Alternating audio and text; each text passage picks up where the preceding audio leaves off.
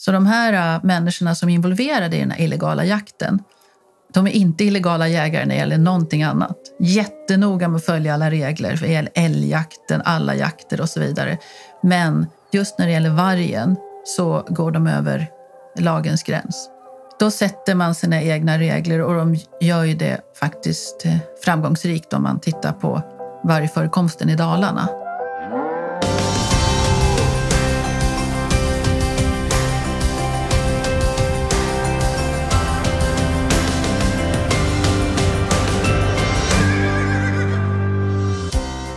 Sverige har i modern tid aldrig haft så många rovdjur som nu och det som orsakar den största friktionen är vargen. Det lokala motståndet ökar i de vargtätaste länen och en del menar att den svenska förvaltningsmodellen har misslyckats.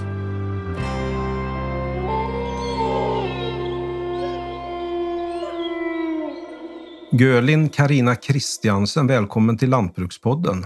Tack så mycket. Vi ska utgå i det här samtalet eh, från boken Vargen och statsmakten som du gav ut i höstas, alltså hösten 2020. För vi spelar in detta en bit in i december. Berätta lite först om dig själv och eh, då leder det väl fram till vad som fick dig att ta dig an detta ämne. Ja, jag är ju journalist ifrån början eh, och har jobbat ekonomijournalist från början Svenska Dagbladet i ett antal år. Och sen har jag eh, bland annat eh, bott och jobbat i Kanada och skrivit där som journalist om skog och eh, jakt i flera år och skrev om det för, inte bara för svenska tidningar utan för tyska och norska och danska tidningar. Och sen så kom jag till Sverige och eh, de senaste åren så har jag jobbat på LRF med eh, äganderätten, skog, politisk opinionsbildning i Sverige och även i Bryssel. Och eh, har jobbat en hel del med jakt och vilt också på LRF. Eh, dock inte med rovdjur. Så när jag fick lite tid här i våras så tänkte jag, vad, vad ska man göra nu så att säga? Och, och då tyckte jag att Eh, det var väl ganska spännande med vargen, för man undrar ju vad det där handlar om. Man fattar inte riktigt varför det är så upprörda känslor och vad det är som pågår och så. Så jag tänkte det där, där skulle vara kul att dyka ner i. Eh, och då började jag läsa på om vargen. På LRF tidigare hade jag jobbat med vilt, men det var ju vildsvin och det var älg. Och det är ju de djur som ställer till mest eh, ekonomisk skada för bönder, skogsägare.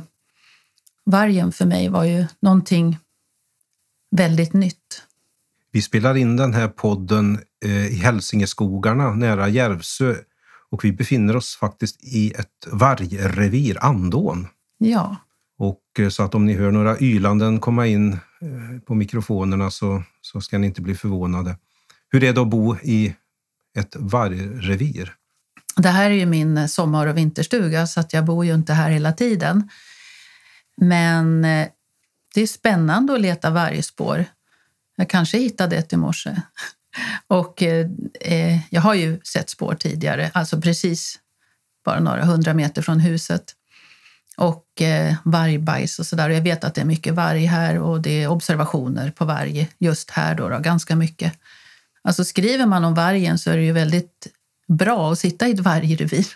Och man känner ju en annan närhet och man pratar med grannar och så vidare. Man får höra vad de säger och, och tycker. De pratar med bönder, pratar med jägare. Vi känner ju alla till en saga som Rödluvan och vargen och eh, det finns ju i folkminnet en väldig skräck för vargen. Hur kommer det sig? Kanske en dum fråga, men... ja, eh, jo, men jag har funderat lite på, på det, varför vi tycks reagera så instinktivt eh, på varg medan björn tycks vi kunna leva med ganska bra. Eh, och varför är det på det sättet? Och eh, då har jag tittat lite bakåt i historien och eh, för inte allt för länge sedan, vi säger 1829, 1830, i början av 1800-talet, Eh, historiskt sett så är inte det jättelänge sedan. Om man ska räkna i farmorgenerationer, det vill säga, för det är ofta den äldre generationen, farmor, mormor, morfar, farfar, som berättar historierna och som pratat med barnen och utbildat barnen och berättat saker för barnen. Eh, om man tänker på det sättet så är 1830 det är bara två och en halv farmor sedan. Inte så långt tillbaka kulturellt. 1829 så tog vargar 465 svenska hästar, eh, 2108 kor, 21 608 får, svin och getter enligt boken Allmogejakt i Sverige. Så två och en halv farmor sedan så var sannolikt vargen det största hotet mot att vi skulle överleva nästa vinter. Förlorar man sina kor, förlorar man sin arbetshäst, förlorar man sina får, sin, sin gris och sina getter, då kanske man inte överlever vintern. Så jag har funderat på om det, om det kan vara orsaken, att vi kan ha någon sorts eh, kulturminne av att vargen är ett stort hot. Jag hoppas att min bok ska bidra till ett samtal med mer djup och bredd än det vi haft tidigare, skriver du i förordet. Vad tänkte du på när du skrev dessa rader? Jag tycker att vargfrågan har verkligen blivit tokig kan man säga. För att det är liksom vargkramare mot varghatare kan man säga. Och det går ju inte att ha det så. Och när jag har skrivit den här boken så har folk blivit så här, verkligen, vilken sida är du på? Så att man ska vara antingen vargkramare eller varghatare. Det går ju som inte att ha det där samtalet på det sättet. För att om vi ska leva med rovdjur i Sverige och vi är inte vana vid det sen tidigare. När jag var barn fanns det ju i stort sett inga rovdjur alls i de här skogarna. Någon enstaka björn möjligen. Om vi ska leva med rovdjur i vårt eh, land, där ändå många bor på landsbygden, eh, så måste vi ha, vi måste ha ett samtal för hur det här ska fungera. Jag vet ju i Kanada hur det fungerar där. Där är också mycket vilddjur.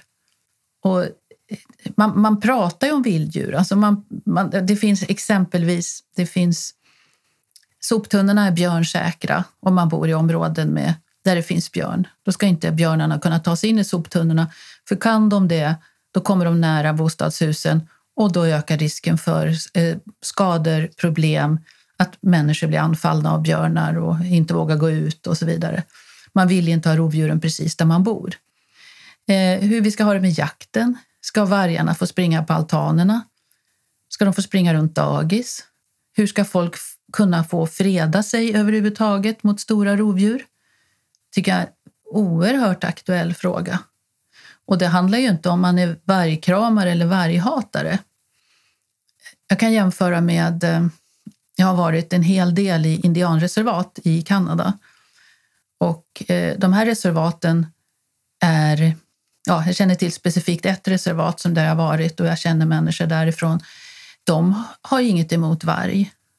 När staden i precis i närheten av det här reservatet utlyste skottpengar på varg så protesterar man i reservatet för man tycker att det ska inte vara skottpengar på varg. Men de människorna i det reservatet de skulle aldrig någonsin acceptera att det springer varg inne bland husen där barnen leker och hundar och katter och allt vad det är. Jag skulle aldrig acceptera det. Aldrig. Men det är ju vad svenska bybor i Gävleborg tvingas acceptera. Men hur har Sverige hamnat här? Ja, det är ju en jättebra fråga som jag faktiskt inte förstår, trots att jag har läst oerhört mycket e-dokument och så vidare. En förklaring är ju att vi styrs ju till stor del av art och habitatdirektivet som EU har. Det handlar om hur man skyddar hotade arter och växter och deras miljöer. Och eh, det här art och habitatdirektivet det skrevs 1992 och då fanns det i stort sett inga rovdjur i Europa. Utan det var ju tanke på eh, växter, örter, lavar och så vidare. Och sen kom ju rovdjuren med där också. Och det är strikt skydd. Man får inte döda vargar, man får inte... Ja, en utrotningshotad blomma ska man inte plocka, exempelvis.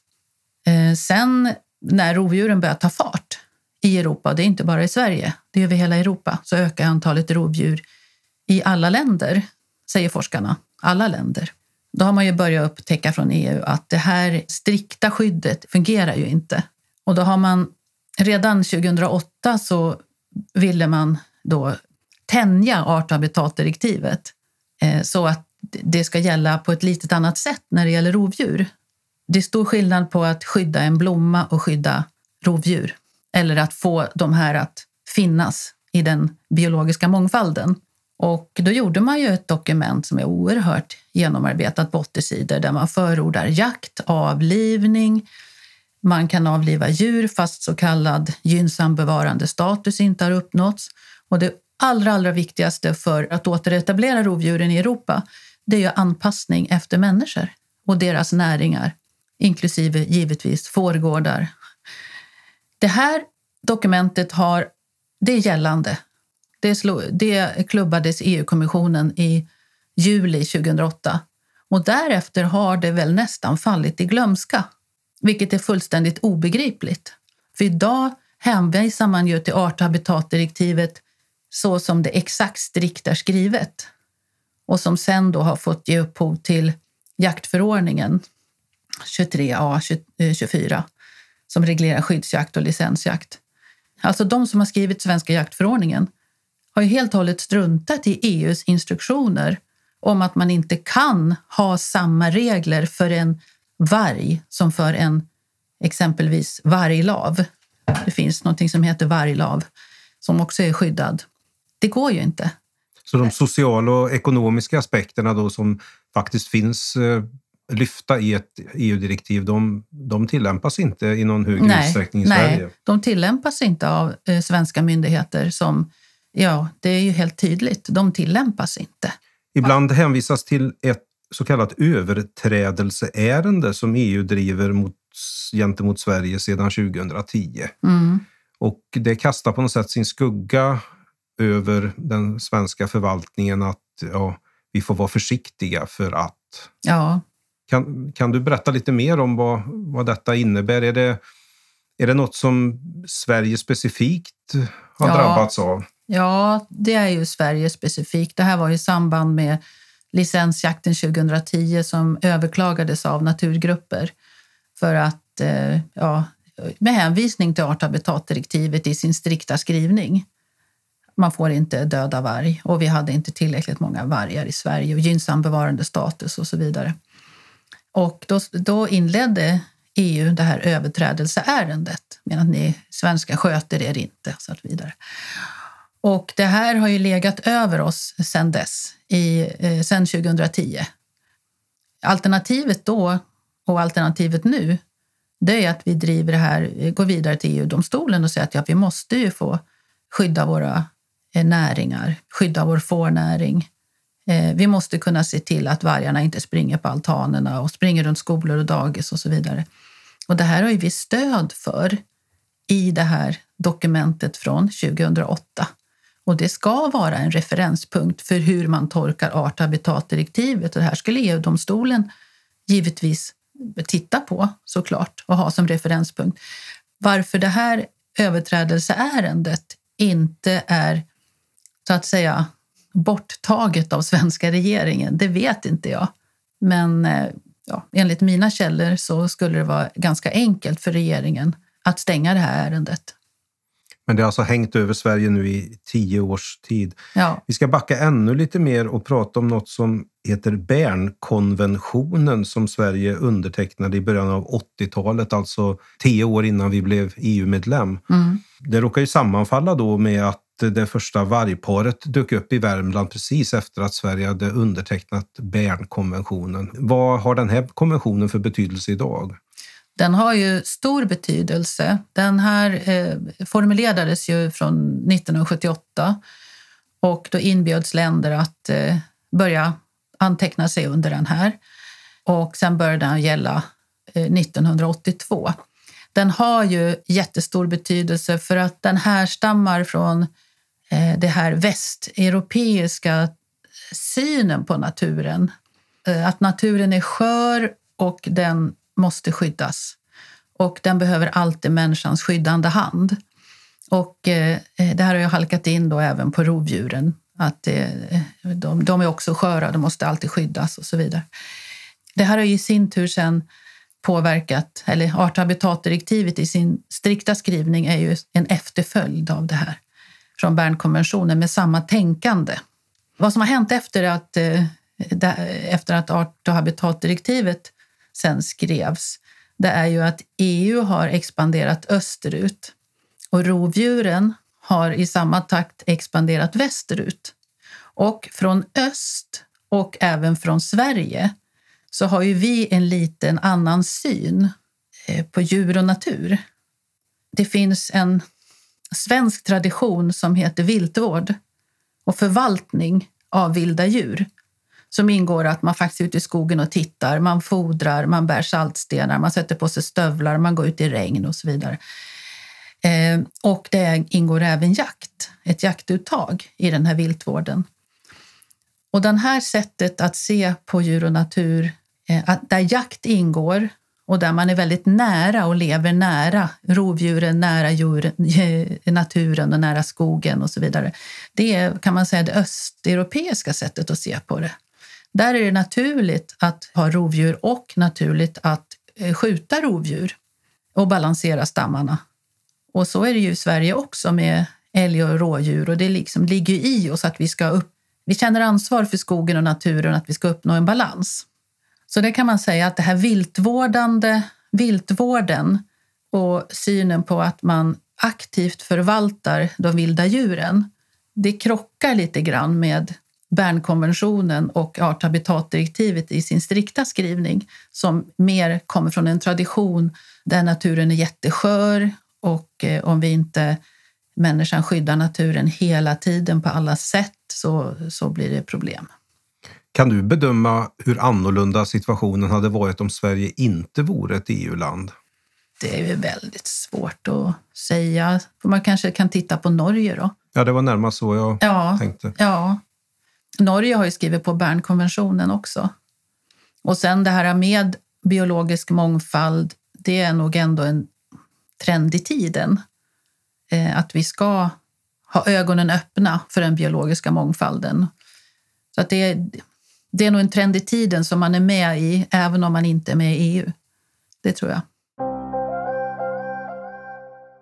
Om vi tittar då lite på hur det ser ut i dagsläget eh, i Sverige då med, med vargstammen. Vi befinner oss i Gävleborgs län där det har blivit en väldigt hög koncentration på ganska kort tid med varg. Och man kan väl nästan säga att Gävleborg tävlar lite med Värmland om att vara Sveriges vargtätaste län. Ja. Men om du skulle lite kort beskriva situationen i Sverige, då, hur, hur skulle det låta? Det, det är väl i princip tvärt vad som står i det här gällande EU-dokumentet från 2008. Där står det att man ska ta hänsyn till lokalbefolkningen. Eh, det står att eh, man ska generellt se till att den generella vargpopulationen i det centrala Europa, alltså de ska ju kunna vara en livskraftig stam. Vår svenska stam kallas ju en subpopulation och den är det ju inte lika noga med. Så att det här med gynnsam bevarandestatus som är det tycks vara, eller det har ju blivit det helt alenarådande som Naturvårdsverket arbetar efter. Att det är bara antalet vargar på riksnivå som gäller för att uppnå den här siffran gynnsam bevarandestatus. Och den då uppnås ju hårdhänt på bekostnad av alla andra värden som också ska ingå i vargförvaltningen enligt Sveriges riksdag, enligt EU. Så Naturvårdsverket tycks inte lyda Sveriges riksdag och inte heller EU. En fråga som stöts och blöts i de här sammanhangen är hur många vargar det behövs då för att upprätthålla en, en stam. Forskarna, de norska och svenska i Skandulv, sa 2012 att det behövs 100. Året efter så beslutade riksdagen att eh, golvet då för den svenska vargstammen skulle ligga i spannet 170 och 270 vargar.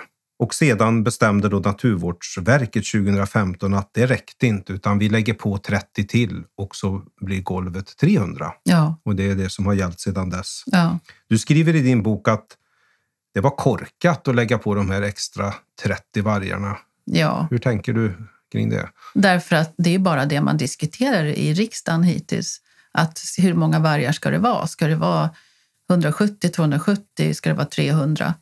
Eh, och när man la på de här 30 vargarna, och det gjorde man ju då på faktiskt ett odemokratiskt sätt, för det här var inte beslutat i Sveriges riksdag. Sveriges riksdag hade ju ett annat beslut, så la man på 30 vargar. Då har man ju, man har ju fått en pseudodiskussion som handlar om, ska det vara liksom, jag menar, 30 vargar fram och tillbaka, vad spelar det för roll? Det som spelar roll är väl att vi i Gävleborg har närmare 170 vargar på 2,8 procent av Sveriges tillgängliga vargyta. Det är ju det Gävleborgsbönderna och Gävleborgsjägarna ska hantera. Att vi har, vi har eh, nästan hela det vargantalet på den här lilla, lilla ytan mellan Dalarna och Ljusnan, eh, i huvudsak i Hälsingland, så finns alla de här vargarna som enligt Sveriges riksdag är det antal som skulle då spridas över hela Sverige.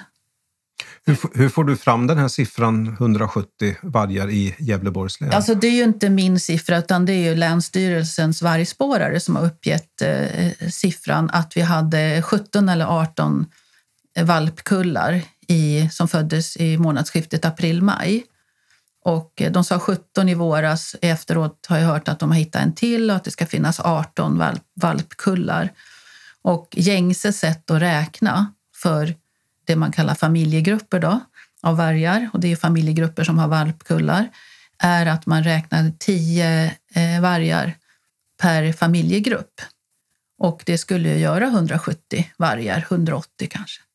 Så att det är ju en uppskattning att det kan handla om det som springer nu i skogarna här. Ja, vi har ju till exempel då samhälle som Ockelbo som inte ligger allt för långt härifrån som är mer eller mindre omringat av vargrevir. Då. Ja, Du nämnde den tillgängliga ytan i Sverige och du sa att Gävleborg eh, utgör 2,8 procent. För det är väl viktigt att tala om det då att eh, det är bestämt att Sverige ska inte ha varg uppe i renbetesland och ej heller på Gotland. ja i fjällkedjan enligt riksdagsbeslutet. Jag har alltså i den, när jag har räknat, eller vi har räknat, så, eh, så har vi tagit bort Gotland, tagit bort fjällkedjan och tittat på resterande Sverige. Och det är den resterande delen som det ska finnas enligt eh, Sveriges riksdag mellan minimum 170 till 270 vargar. Och sen eh, har man tittat på, det här är ungefär halva Gävleborg som de här vargarna finns. För att de är ju stoppade att gå västerut. De kan inte utöka och gå västerut för att i Dalarna så kan det hända att de inte lever så längre, länge. Och sen eh, Ljusnan stoppar dem åt andra hållet och det gör att, de, att reviren här ligger enormt tätt. Vi har till och med revir inuti revir. Och vargspårarna berättar om vargar som ja, de konkurrerar ju, de slåss, de dödar varann. Årsvalparna har, eh, de som blir bortkörda när mamman får nya valpar, eh, de har ju väldigt svårt att hitta någonstans att gå. Om man ska, vill ha en livskraftig vargstam, hållbart över tid, så en sak som krävs det är ju människornas acceptans. Då måste man involvera lo- människor lokalt i förvaltningen. Det är en, en sak som behövs. Men det behövs ju också mat till de här vargarna. Det är ju inte bara varg på den här ytan. Det är ju massor med björn. Och det är massor med lo. Det är väldigt vilttätt här. Så har då Länsstyrelsen här räknat på mattillgången för de här djuren? Nej, det har de inte gjort. Och det finns rapporter, filmer på vargar som ligger i trädgårdarna och äter äpplen som Länsstyrelsen har. Och då undrar man, ja, man eh, som Länsstyrelsen vargspårare själv sa, ja, de har i alla fall inte blivit vegetarianer. Det är inte därför de äter äpplen, utan det är av en annan anledning. De får inte tag på sin normala föda. Det kan hända. Jag kan inte själv svara på det, men man kan konstatera att det finns oerhört mycket rovdjur på liten yta och när man bara, eh, som Naturvårdsverket gör, tittar bara på att ja, vi ska ha 300 i Sverige för att de ska kunna presentera den siffran till EU. Oh, jo, nu har vi 300. Men sen om 170 av de här 300 bor på en väldigt liten yta, konkurrerar med björnar och lo och stör människor och eh, biter ihjäl en massa får och sen går ut över Sverige och eh, biter ihjäl hur många får som helst som den här tönsentiken har gjort neråt Skåne och Jönköping. Det eh, räknas inte då. Ja, vi kan väl ägna den tiken några ord. Den kommer ju alltså här uppifrån Gävleborg och vandrade då ja. söderöver i Sverige och eh, den rev får på, på flera ställen, Jönköpings län och ända ner i Skåne, i Halland också tror jag. Kronoberg. Och Kronoberg. Och eh, det kom ju naturligtvis in ansökningar om skyddsjakt och det blev skyddsjakt, men det slutade med att när den dog så var det att den blev mosad av en bil på E4 tror jag. Ja. Hon har ju lärt sig att äta får i sitt hemrevir. Och där det här reviret finns, där hon växte upp, en teori kan vara att det är så tätt, så mycket varg på så liten yta just där, att de eh, jag helt enkelt får börja äta får. Att det blir lättare. Det, det, då, då kanske de vad ska man säga, vågar gå in på gården och äta får. Och har de börjat med det, då är det jättelätt när de har börjat med den vanan så slutar de ju inte i första taget. Det är någonting de har lärt sig då från sin, från sin mamma så att säga, att äta får. Men man kan ju i teorin tänka så här att om den här viltförvaltningen skulle ha varit regionaliserad, det vill säga att Gävleborgs län har fått bestämma då om sina egna vargar och i diskussion med bybor och lokalbefolkning och jägare, som exakt som det står faktiskt i EUs egna instruktioner, då skulle man väl kunna nästan tro att det hade inte varit så tätt med reviren där den här tönsentiken växte upp. Och hade det inte varit fullt så tätt så kanske de hade aldrig hade börjat äta får. För det finns ju alltså ett eh, länsvist eh, förvaltningsmål. Förvaltningsmål, ja. Det var det ordet jag sökte. Ja. Om cirka 40 vargar. Ja. Och här säger du att det är fyra gånger så många. Ehm, hur rimmar det då ihop? Det är ju jättekonstigt. Det är jättekonstigt att Gävleborgs läns viltförvaltningsdelegation får sitta och göra sina förvaltningsplaner eh, för vargar som stämmer med instruktionerna från Naturvårdsverket. Naturvårdsverket har ju eh, sagt att eh, Gävleborgs län ska ha 35 vargar minst. Och då har viltförvaltningsdelegationen höjt det här till 40 vargar. Och det innebär då att, säg att vi ska ha fyra valpkullar här varje år. Och sen har vi 17, 18. Var har det gått fel? Någonstans har det gått fel. Du har ett jätteintressant kapitel i din bok som handlar om Dalarna och att det finns så pass få vargar där nu jämfört med vad det har funnits. Och då är vi inne på ett väldigt hett ämne som heter tjuvjakt. Vad är det du har kommit fram till när du har pratat med folk kring den här frågan? Vi kan ju säga då att i princip alla som yttrar sig i det här kapitlet är anonyma. Ja, det, de är anonyma. Eh, jag har eh, pratat med de som har deltagit i de här jakterna. Jag har pratat med eh, personer som känner till det här väl och vet att man har ändrat jaktmetod för ungefär fyra år sedan. Så jag, ja, jag har pratat med flera personer, inklusive den som är allra bäst i Sverige på det här och det är ju forskaren, jaktforskaren Erika von Essen som har gjort ett fantastiskt arbete med att kartlägga den illegala jakten.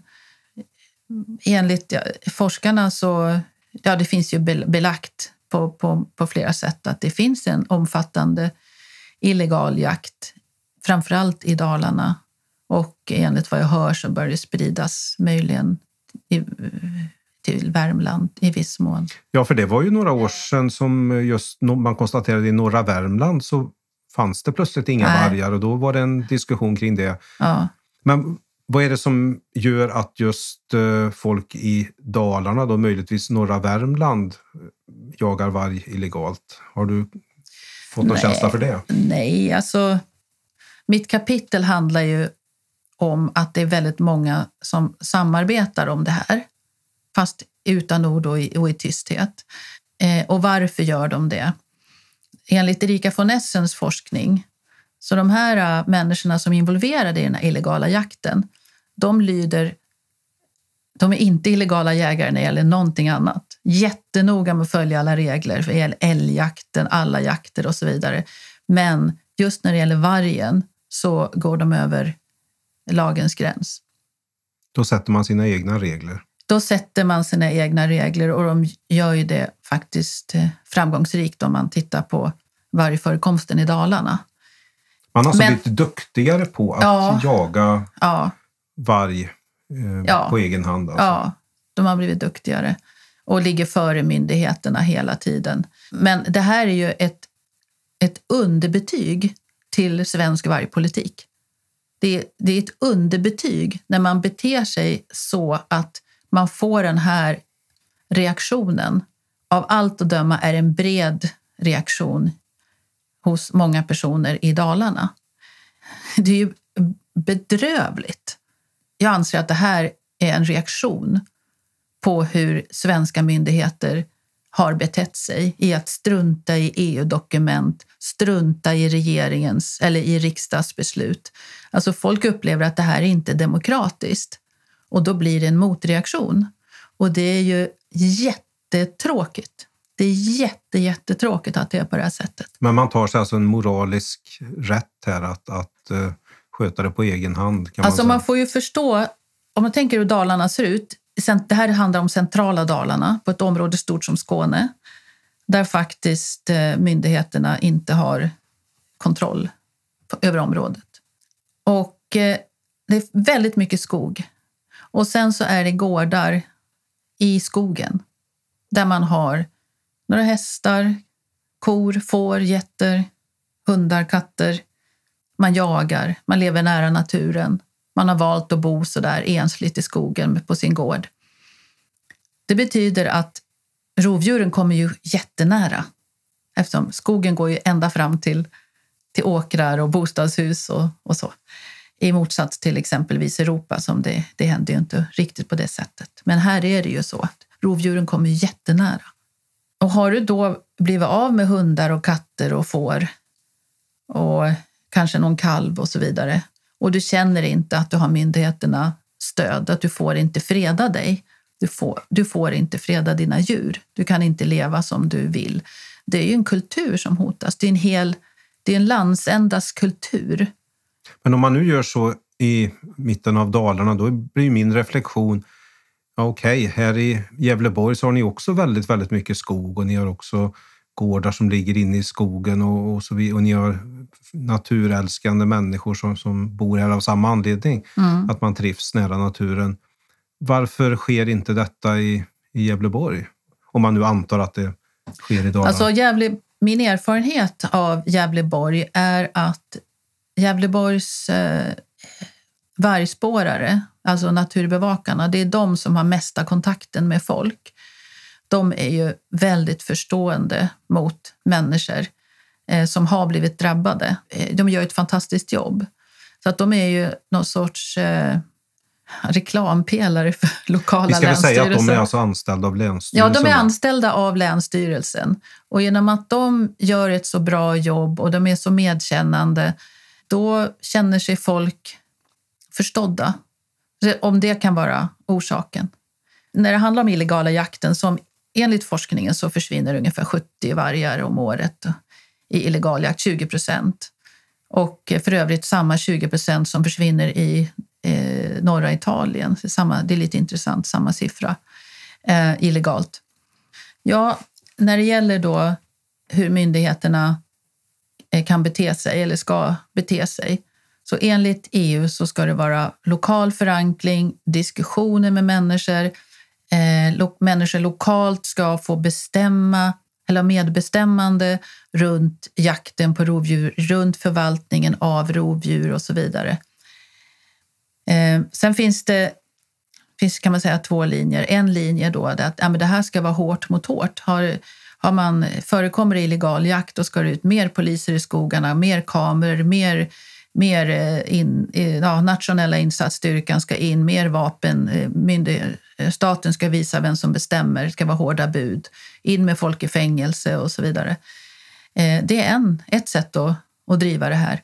Men enligt forskningen enligt Erika von Essen, som är den duktigaste forskaren på det här området, så är det fel väg. Utan myndigheterna måste bete sig på ett sätt så att inte den här situationen uppstår. Människor måste känna att det finns en demokrati, att det finns medbestämmande, att deras eh, kultur och, och vanor och traditioner och sedvänjor inte hotas. Det är ju även en instruktion från EU, från det här dokumentet från 2008, som gäller. Det är en instruktion från EU. Varför det inte praktiseras av, av mynd, svenska myndigheter, det, det vet inte jag. Men det här är en reaktion. Måste, man, man måste ju se det här som en, en reaktion på en myndighetsutövning. Du har pratat om närgångna vargar som stryker förbi på gårdsplanen. De har setts på skolgårdar, i trädgårdar, på altaner och liknande. Hur farlig är egentligen vargen för människan? Det är, det är ju jättelång tid sedan, om man nu undantar den här eh, olyckan på Kolmårdens djurpark, så är det ju jättelänge sedan man har eh, eh, en varg dödar en människa i Sverige. Det lär vara 200 år nästa år. För övrigt här i, i, i Gästrikland. Mm. Men hur farlig är vargen? Så där har jag bara läst forskning. Eh, och svenska forskare, och då pratar jag om Viltskadecenter och internationella forskare, de säger att det är ju tre situationer som en varg kan vara farlig. Och det är eh, om de har rabies, vattuskräck, då, då, då bits de. Och eh, det kan vara i situationer när precis all mat är slut. När de verkligen inte hittar mat. Verkligen inte. Och då kan framförallt barn ligga i farozonen. Och det finns ju forskning på det. Och vi har ingen rabies i Sverige och vi, även om man har sett vargar äta äpplen så upplever man nog att det ändå fortfarande finns vilt kvar på skogen. Mer eller mindre finns det. Även om de faktiskt inte sköt några kalvar i det här vargtäta området i år. De var nog uppätna redan. Eh, älgkalvar. Men sen finns den här eh, tredje situationen och det är den nu som gäller i Sverige. Och det är vargar som blir vana att gå nära hus, blir vana att gå och äta hundar och katter och hönor och får. När de är tillräckligt vana vid det, de blir vana vid människor, då tappar de i skyggheten. Och det är farligt. Så då kan det hända olyckor. Och det är ju det är forskarna fullt medvetna om. Har man siktat varg i Kanada nära människor, då blir det ju alarmklockor hos kanadensiska myndigheter. Då varnas allmänheten, området stängs av och så vidare. Det är eh, väldigt stora ansträngningar för att skydda allmänheten från olyckor när det gäller rovdjur. Tar man bort de vargarna? Då? Ja, det gör man. Om vi då går till Sverige, då, att får man en sån situation med nedgången varg, då kommer det in ansökan om skyddsjakt och eh, de beviljas väl i regel inte, åtminstone inte den första vändan, utan det krävs eh, ytterligare händelser och det krävs också en omfattande dokumentation från allmänhetens sida för att eh, domstolen ska bevilja den här skyddsjakten. Och dessutom så överklagas alla ärenden av den här sorten då av eh, framförallt de så kallade vargvärnarorganisationerna, men även då kanske från från jägarhåll. Det beror lite på i vilken riktning besluten går. Men eh, eh, du berör ju skyddsjaktsfrågan naturligtvis i din bok. Eh, vilken slutsats drar du kring att så få skyddsjakter beviljas i Sverige? Ja, enligt eh, några källor så har det här delvis med eh, det här överträdelseärendet att göra.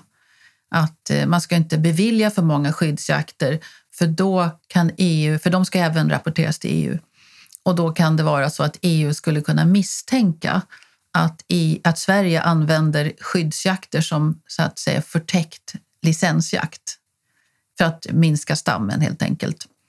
Stänger man ärendet och ser till att få det stängt, vilket jag personligen är ganska övertygad om att, att Sverige kan, om Sverige vill, eh, så har man ju inte det problemet längre. Sen kommer det här med skydd av enskilda och skydd av människor. Alltså jag blir personligen upprörd när det är en eh, äldre dam i Lingbo byförening som säger i Sveriges Television, som, de har ju vargar som stryker runt byn. Man ska inte behöva ha det så här, säger hon. Och byn har ju anfört, byföreningen har anfört psyk, eh, psykisk ohälsa. Eh, att de, de blir stressade och det är jättejobbigt att bo med, i byn när det springer vargar i byn. Sen avslår Länsstyrelsen skyddsjakten och säger att vi kan inte ta hänsyn till psykisk ohälsa. Och så säger Länsstyrelsen i ett inslag i Sveriges Television att det finns inga rapporter om att vargarna skulle vara farliga. De är inte farliga. Då går ju Länsstyrelsen emot forskningen. Jo, de är farliga i den situationen när de tappar sin skygghet och springer bland människor. Då är de potentiellt farliga enligt eniga forskare i världen. Men då påstår Länsstyrelsen att så är det inte. Och sen så påstår Länsstyrelsen att vi kan inte ta hänsyn till människors sociala oro. Då går de emot Sveriges riksdag och de går emot EU. EUs rekommendationer. Där det tydligt står att man ska ta hänsyn till människors sociala oro. Det finns några övergripande mål eh, när det gäller svensk vargförvaltning då, från Naturvårdsverkets sida. Och de här fyra övergripande målen är att uppnå och bibehålla den gynnsamma bevarandestatusen. Det är att minska skadorna som vargarna orsakar. Det är att öka förtroendet för förvaltningen och det är att eh, inte ha någon illegal jakt.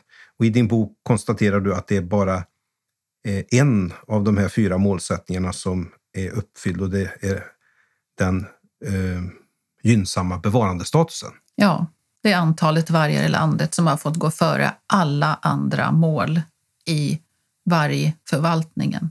Vad kommer att hända nu då framöver? Vi har förmodligen då när detta avlyssnas bedrivit en eh, licensjakt då på en 24 vargar som beslutet löd. Men eh, det kommer inte att märkas speciellt mycket i det här stora, Eh, den här stora populationen. Men vad kommer att hända framöver om du skulle tillåta dig själv att titta in i spåkulan? Ja, det kommer att bli ännu mycket fler vargar här förstås. Och i hela Sverige. Och det kommer väl att braka loss något förskräckligt nästa år med angrepp på tamdjur. Det kommer att bli svårt att hålla hästar och föl i hagar. Redan nu så går ju får, säger ju fårnäringen att de går på knäna. Det är många som ger upp den här näringen. Och vi köper köttet från eh, Irland och framförallt Nya Zeeland istället för eh, svenskt kött.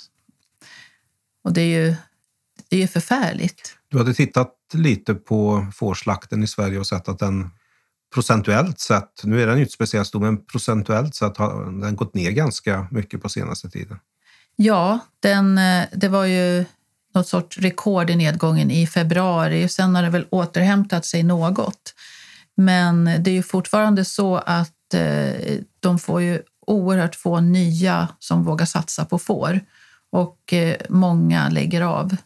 Det är ju ganska stort tapp när det gäller fårfarmare i Sverige. Sen kan man väl inte tillskriva vargen all den nedgången förstås, utan det, det finns väl andra faktorer. Det fanns eh, en, en faktor 2018. Det var många som la ner i det här tork, i tor året med torka. Men det som har utmärkt det sen är att de nya har inte kommit till. Och Fåravelsförbundet anger ju rovdjurspolitiken. Rovdjur, eh, det är de själva som säger det, att osäkerheten i rovdjurspolitiken är orsaken. För ett par år sedan så ägnade Naturvårdsverket 7,5 miljoner kronor åt att flytta en varg som man kallade för Jönseletiken eller Rödluvan ner till Tiveden och man försökte tror jag fyra gånger men den envisades att springa därifrån och eh, blev till slut avlivad uppe i renbetesland. Men nu är det åter på gång. Regeringen vill att eh, länsstyrelserna ska utreda huruvida eh, man kan ta emot ett antal vargar som kommer uppifrån landet och är av rysk-finsk härkomst och därmed extra genetiskt viktiga då för svenska populationen.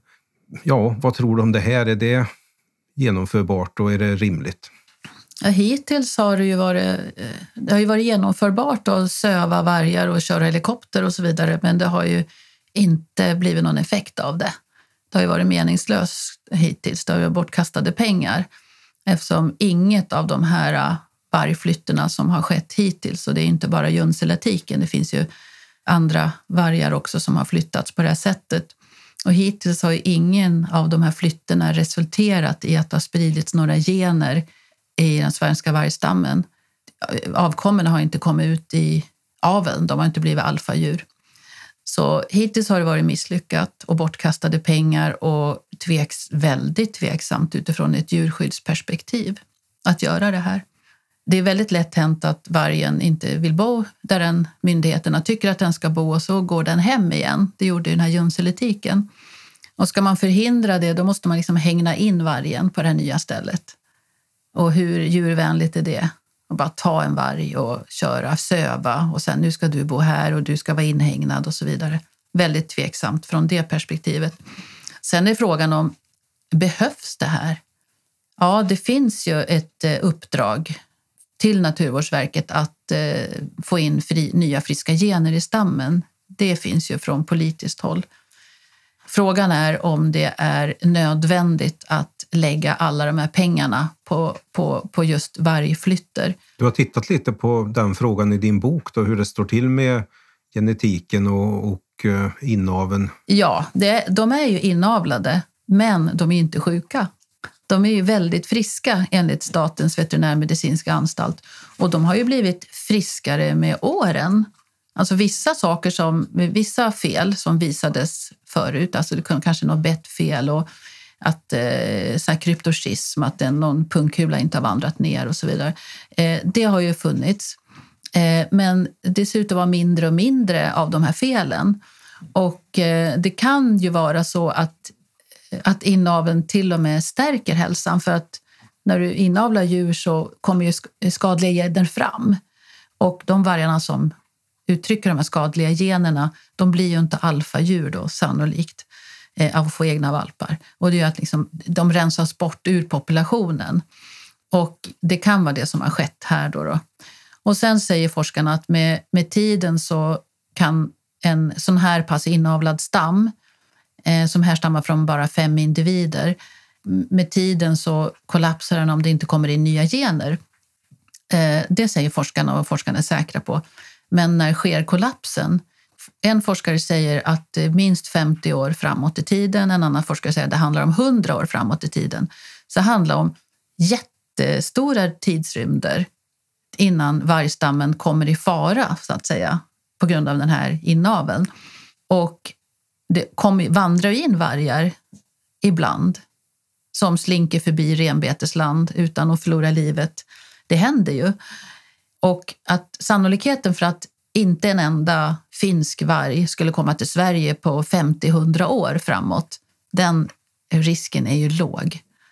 Mest sannolikt så kommer det slinka in någon varg som gör att vår stam inte kollapsar om ett sekel eller 50 eller 100 år. Och det här är ju, det här är ju enligt, enligt vad forskarna säger. Så jag känner mig ytterst tveksam till att svenska skattebetalare ska betala eh, vargflyttar med helikopter och söva vargar på det här sättet. Ja, om nu vi vill ha in rysk-finska vargar, var, vad kommer de vargarna vi har i Sverige från då från början? Eftersom det var ju mer eller mindre vargtomt när de här dök upp i början av 80-talet.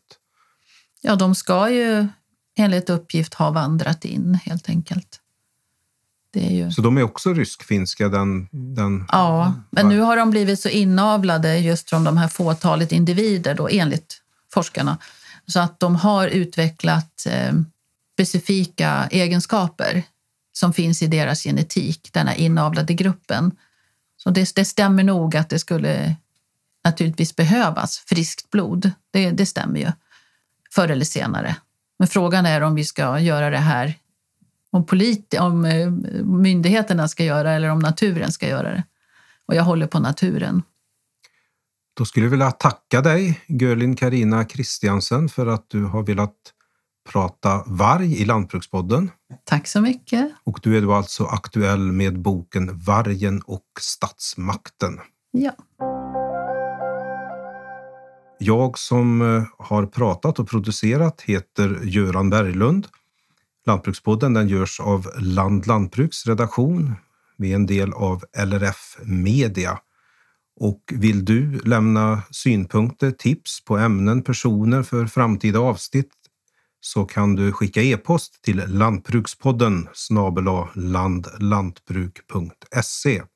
Glöm inte heller att prenumerera i din poddplattform så att du inte missar våra framtida avsnitt.